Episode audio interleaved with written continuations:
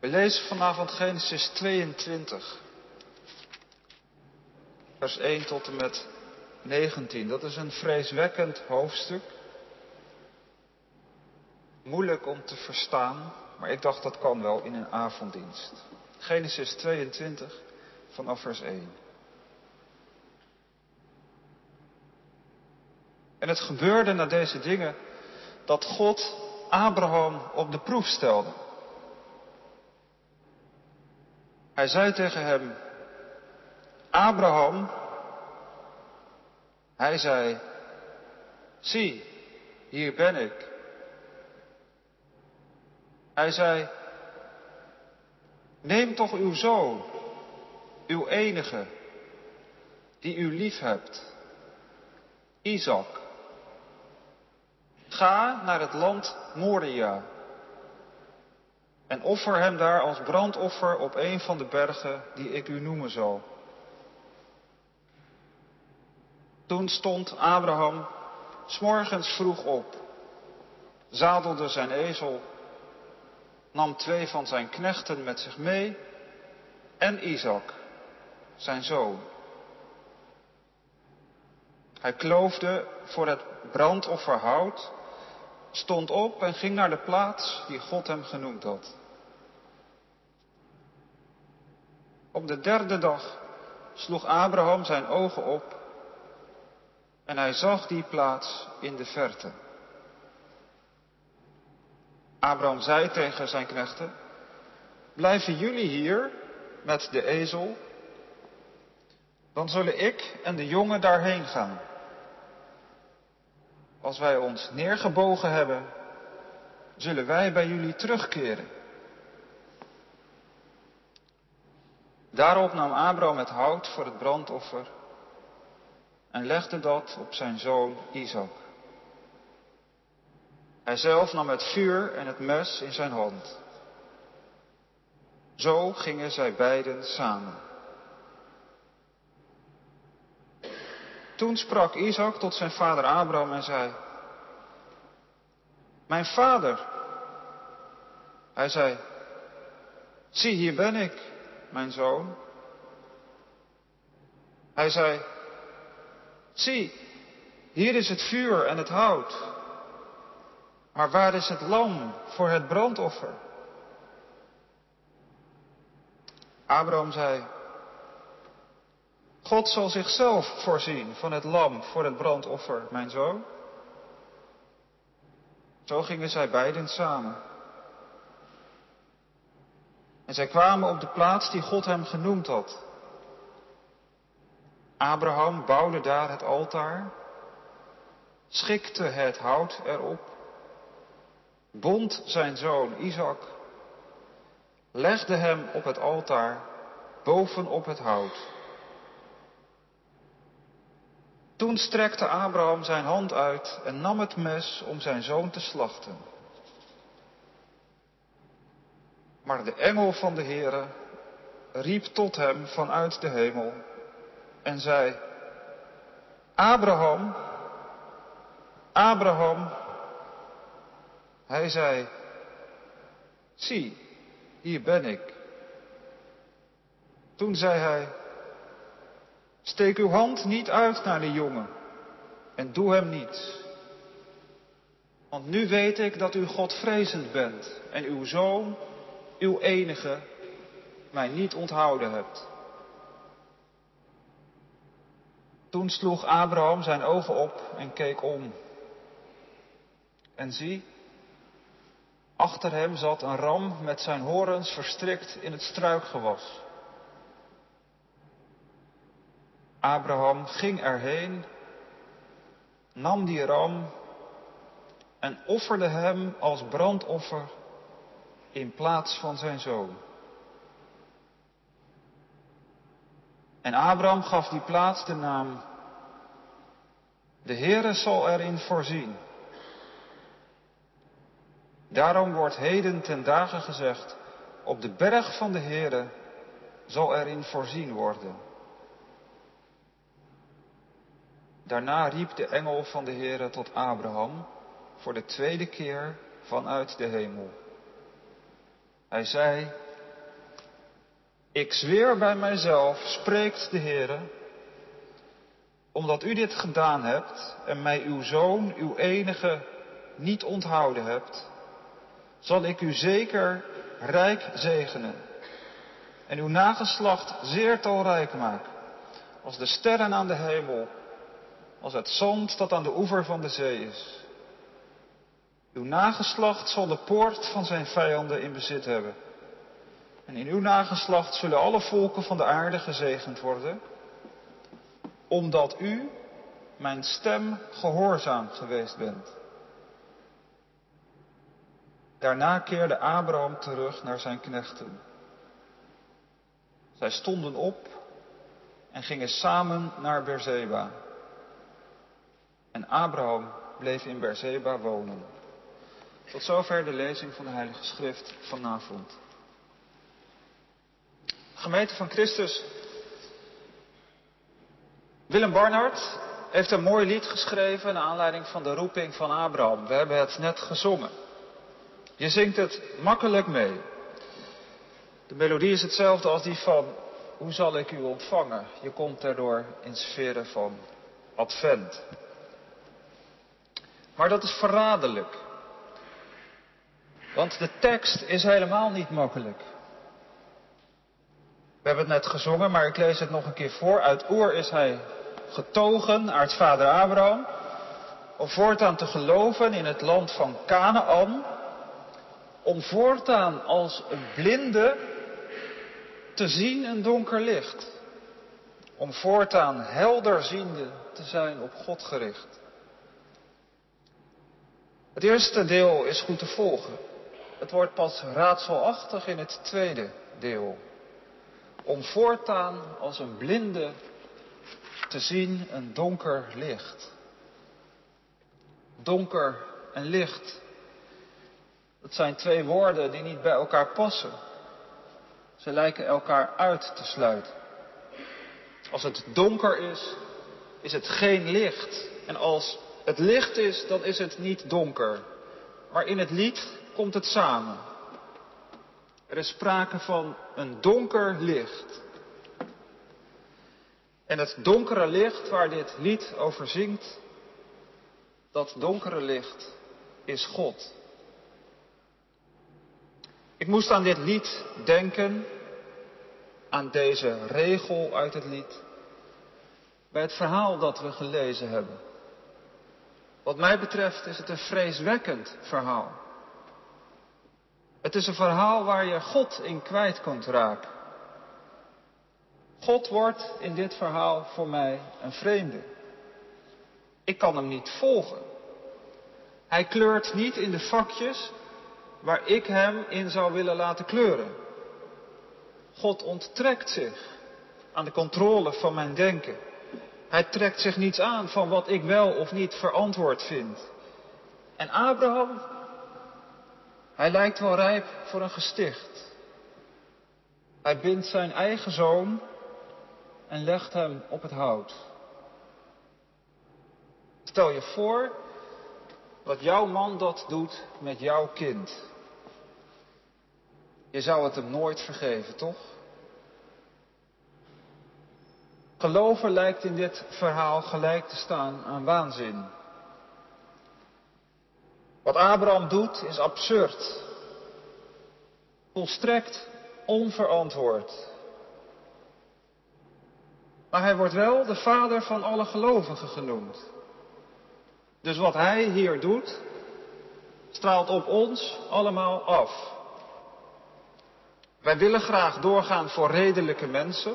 Je wilt graag uit kunnen leggen wat geloven is. Maar dan kom je dit verhaal tegen. Hoe redelijk is geloven als dit geloven is? Is geloven geen waanzin? Om voortaan als een blinde te zien een donker licht. Hoe donker is dit licht? En hoe licht is dit donker? En hoe blind zijn wij als gelovigen? Hoog tijd om naar het verhaal zelf te gaan kijken. Het begint met een heel duidelijke aanwijzing. Je zou het een leessleutel kunnen noemen. Het geschiet naar deze woorden dat God Abraham heeft beproefd. In de wereld van de Bijbel is dat niet iets vreemds. Beproeving is iets wat hoort bij het leven met God. Zoals Abraham in dit verhaal wordt beproefd, zo wordt Israël later beproefd in de woestijn. En als Jezus gedoopt is in de Jordaan, wordt ook hij de woestijn ingeleid om beproefd te worden. Er is zelfs een regel over opgenomen in het Onze Vader. En leid ons niet in verzoeking. Leid ons niet in verzoeking. Want beproeving is niet zomaar iets. Je kunt daar je schouders niet over ophalen. Beproeving is iets vreeswekkends. Want wat zullen wij over onszelf te wegen komen in de beproeving? Vanavond leren we God kennen als iemand die beproeft. Dat is voor God geen spel, het is een ernst. God wil iets te weten komen. Aan het einde van deze geschiedenis weet hij iets wat hij daarvoor nog niet wist. Het geschiet naar deze woorden dat God Abraham heeft beproefd. Hij zegt tot hem, neem toch je zoon, je enige, die je lief hebt, Isaac, en ga, jij, naar het land van de Moria. Doe hem daar opgaan als opgangsgaar.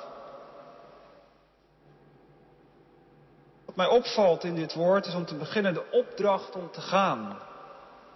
Ga, jij. Die opdracht herinnert aan het begin van het verhaal over Abraham. In Genesis 12 klinkt precies dezelfde opdracht. Ga, jij. Weg uit je land, uit je geboortetent, uit het huis van je vader, naar het land dat ik je zal doen zien. En Abraham is gegaan. Hij heeft alles achter zich gelaten. Hij was gehoorzaam. Hij vertrouwde de stem. Hij ging naar een land dat hij zelf nooit had gezien. Het was hem voldoende dat de Heer hem dat land zou laten zien. Het verhaal van Abraham begint dus met eenvoudige gehoorzaamheid.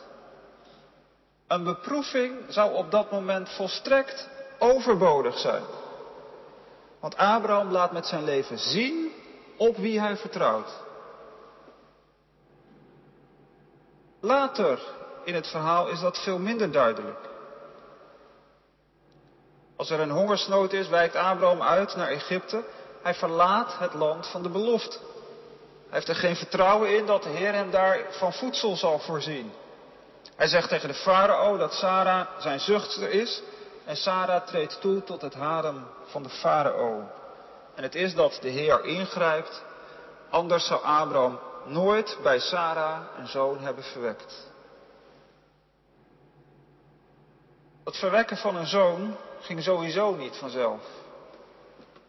Het wachten op die zoon duurde Abraham en Sarah veel te lang. Ismaël werd geboren, zoon van het ongeduld. En toen God daarna nog de geboorte van een kind bij Sarah aankondigde, toen lachte Abraham de Heer min of meer uit. Sarah had het ook niet meer toen ze ervan hoorde. Samen hebben ze de bittere lach van het ongeloof gelachen. Het woord van de Heer was te wonderlijk voor hem. Maar ondanks hun ongeloof is Isaac geboren. Ismaël werd weggestuurd. Alles lijkt in die end toch nog op zijn pootjes terecht te komen. Het doel van de reis van Abraham lijkt bereikt.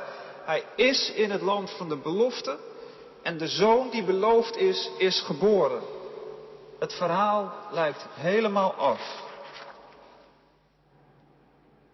Maar God denkt daar dus anders over. Want hij is op zoek naar waarachtig geloof. Naar een betrouwbare partner in het verbond. Hij vraagt zich af of Abraham ontzag voor hem heeft.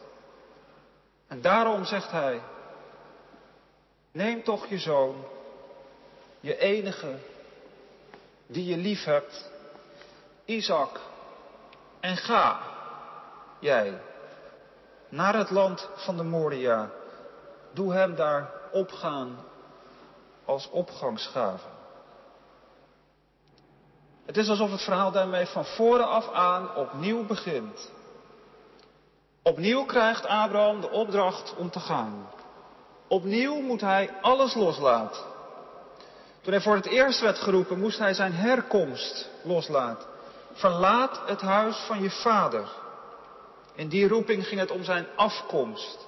Nu hij voor de tweede keer wordt geroepen, gaat het om zijn toekomst. Abraham moet de tak afzagen waar hij op zit. Neem je zoon, je enige, die je lief hebt, Isaac. Isaac is de door God gegeven lach in het leven van Abraham. Isaac is het door God gegeven licht. Maar dat licht moet Abraham nu dus eigenhandig doven. Die lach moet hij eigenhandig smoren. God wordt in deze opdracht duisternis. Onafvolgbaar. Hij trekt de vervulling van zijn eigen belofte in. Hij spreekt zichzelf tegen. Niet in het algemeen, maar heel specifiek. Want een hoofdstuk eerder heeft hij het nog expliciet gezegd. Isaac is de zoon uit wie het nageslacht van Abraham geboren zal worden. God zet het allemaal tussen haakjes. Maar kan dat? Maakt God zijn eigen woorden ongedaan? God is in zijn spreken tot Abraham onnavolgbaar. Je begrijpt hem niet meer. Je herkent hem niet. Zijn aangezicht wordt verduisterd. En dat is dus beproeving. Hoe verhoud jij je tot de Heer als je Hem niet meer kunt volgen? Is Hij ook nog je God als Hij zich hult in duister? Durf je Hem nog te vertrouwen als je toekomst zo in duigen valt? Het geschiet naar deze woorden dat God Abraham heeft beproefd. Hoe reageert Abraham op deze beproeving? Abraham laat zich aanspreken. Hij is beschikbaar. Hij gaat het opnieuw wagen met de stem. Hij doet wat de Heer hem zegt. Als het ochtend wordt, recht hij zijn schouders, hij zadelt zijn ezels, neemt twee hulpjongens met zich mee en Isaac, zijn zoon. Hij klooft stukken hout voor de opgangsgave. Hij staat op en gaat naar de plaats die God hem gezegd heeft. Wat hij denkt wordt niet verteld. Wat hij voelt komen we niet te weten. Het belangrijkste is blijkbaar dat Abraham gehoorzaam is. Hij doet wat hem gezegd is. En uit dat doen blijkt vertrouwen.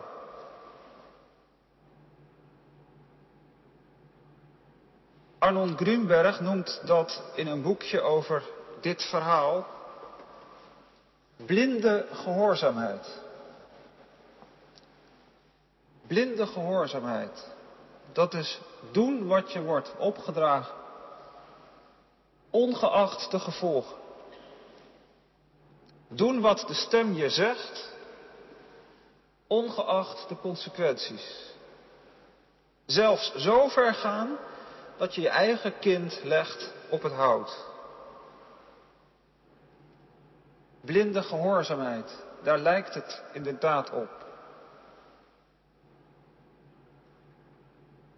En toch zitten er hints in het verhaal die maken dat ik twijfel. Het gaat om twee momenten.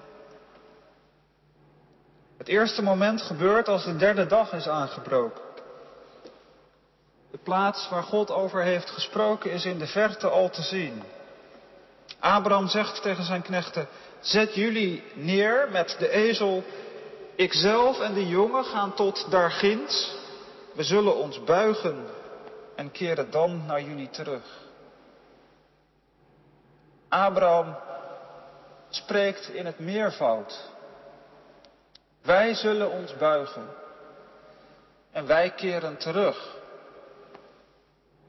Zegt hij dat om zijn knechten om de tuin te leiden? Is hij bang dat zijn knechten hem anders niet zullen laten gaan? Ze horen wat hij van plan is. Of is er iets anders aan de hand? Is Abraham misschien minder blind dan wij denken? Iets vergelijkbaars gebeurt als Isaac vraagt naar het lam. Het is een heel intieme dialoog. Mijn vader, zegt Isaac, mijn vader. En Abraham zegt, hier ben ik, mijn zoon. Isaac zegt, hier is het vuur en het hout. Maar waar is het lam voor de opgangsgaaf? En Abraham zegt dan, God ziet het voor zich. Het lam voor een opgang, mijn zoon. Zo gaan zij eensgezind voort. God ziet het voor zich. En dat nou vrome praatjes? Is dat heen draaien om de hete brei? Of wordt hier iets wezenlijks gezegd? God ziet het voor zich. God zal zichzelf van een offerlam voorzien. Is dit een uitvlucht of spreekt hier het geloof? Is dit een vroom praatje of een beleidenis? Zou het kunnen dat Abraham niet blind gehoorzaam is, maar dat hij gelooft? Wat God hem hier opdraagt, kan hij onmogelijk begrijpen. God is hier onafvolgbaar. Gods aangezicht wordt hier duister. Maar zou het kunnen dat Abraham in het donker vast blijft houden aan het licht?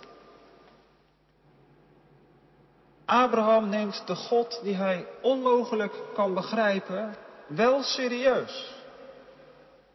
Hij doet wat God van hem vraagt. Maar tegelijkertijd blijft hij geloven in wat hem eerder beloofd is. Abraham wordt in de schriften niet de vader genoemd van hen die blind gehoorzaam zijn. Hij wordt de vader genoemd van hen die geloven. Verhalen kan je altijd op heel veel manieren lezen. Ik wil dit verhaal graag op een christelijke manier lezen. Ik lees het graag zoals het gelezen is door de schrijver van de Hebreeënbrief. In geloof heeft Abraham Isaac ten offer gebracht toen hij op de proef werd gesteld.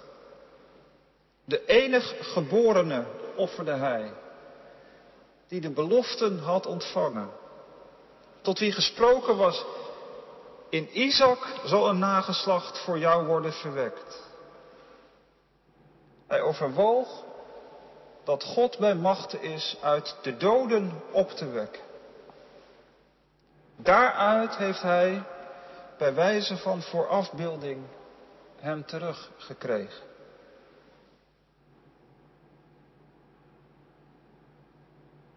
We haasten ons naar het einde van het verhaal. Abraham en zijn zoon komen aan bij de plaats die God heeft aangewezen. Daar bouwt Abraham het altaar. Hij rangschikt de stukken hout. Hij bindt Isaac, zijn zoon, en legt hem op het altaar. Hij steekt zijn hand uit en neemt het mes om zijn zoon te slachten. Maar dan roept een engel van de Heer vanuit de hemelen hem toe. Hij zegt, Abraham, Abraham. En die zegt opnieuw, hier ben ik. Steek je hand niet uit naar die jongen en doe hem niets aan. Want nu weet ik dat je ontzag hebt voor God en je zoon, je enige, niet van mij hebt weggehouden. Abraham heft zijn ogen op en zie een ram met zijn horens verstrikt in de struik. Abraham neemt de ram en laat hem als opgangsgave opgaan in plaats van zijn zoon. En Abraham noemt als plaats, naam voor die plaats uit, de Heer zal voorzien. Waardoor vandaag nog gezegd wordt, op de berg van de Heer is uitzicht. Het verhaal is begonnen met God die beproeft. Het eindigt met de Heer die voorziet. En in het midden was te lezen dat Abraham daarop vertrouwde. Hij vertrouwde erop dat de Heer zou voorzien. En zijn geloof is niet beschaamd. En zo schijnt er in dit verhaal een donker licht. Deze afgrond is niet zonder helderheid. In dit verhaal komen de verhalen van Abraham tot hun bestemming. Het was een lange reis. Vanuit Ur der Galdeeën naar het beloofde land. Maar ook in het beloofde land is Abraham nog niet op de plaats.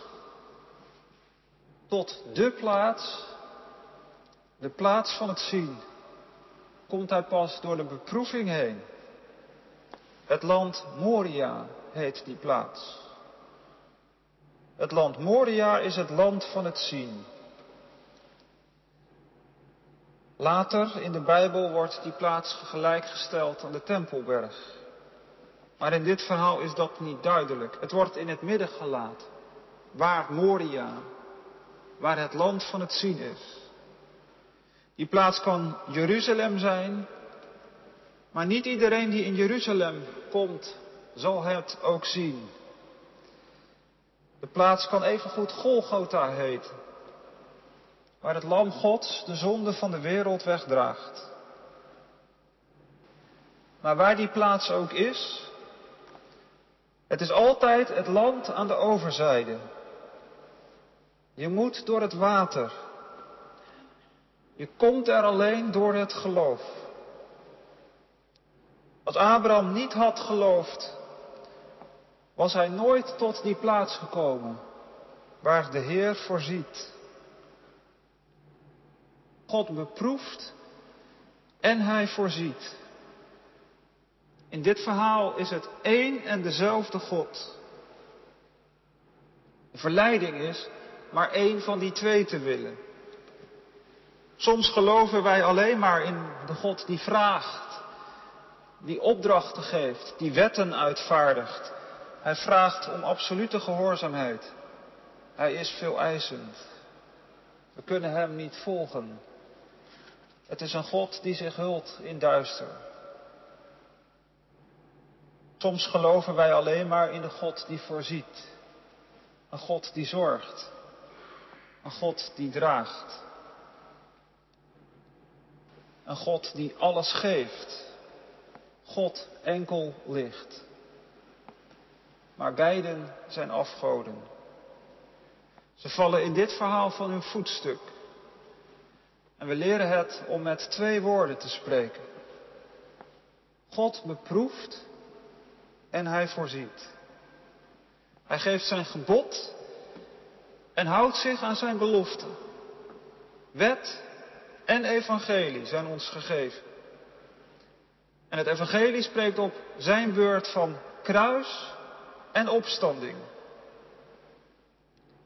Niemand is meer gehoorzaam geweest dan de Zoon die zijn leven voor ons heeft gegeven.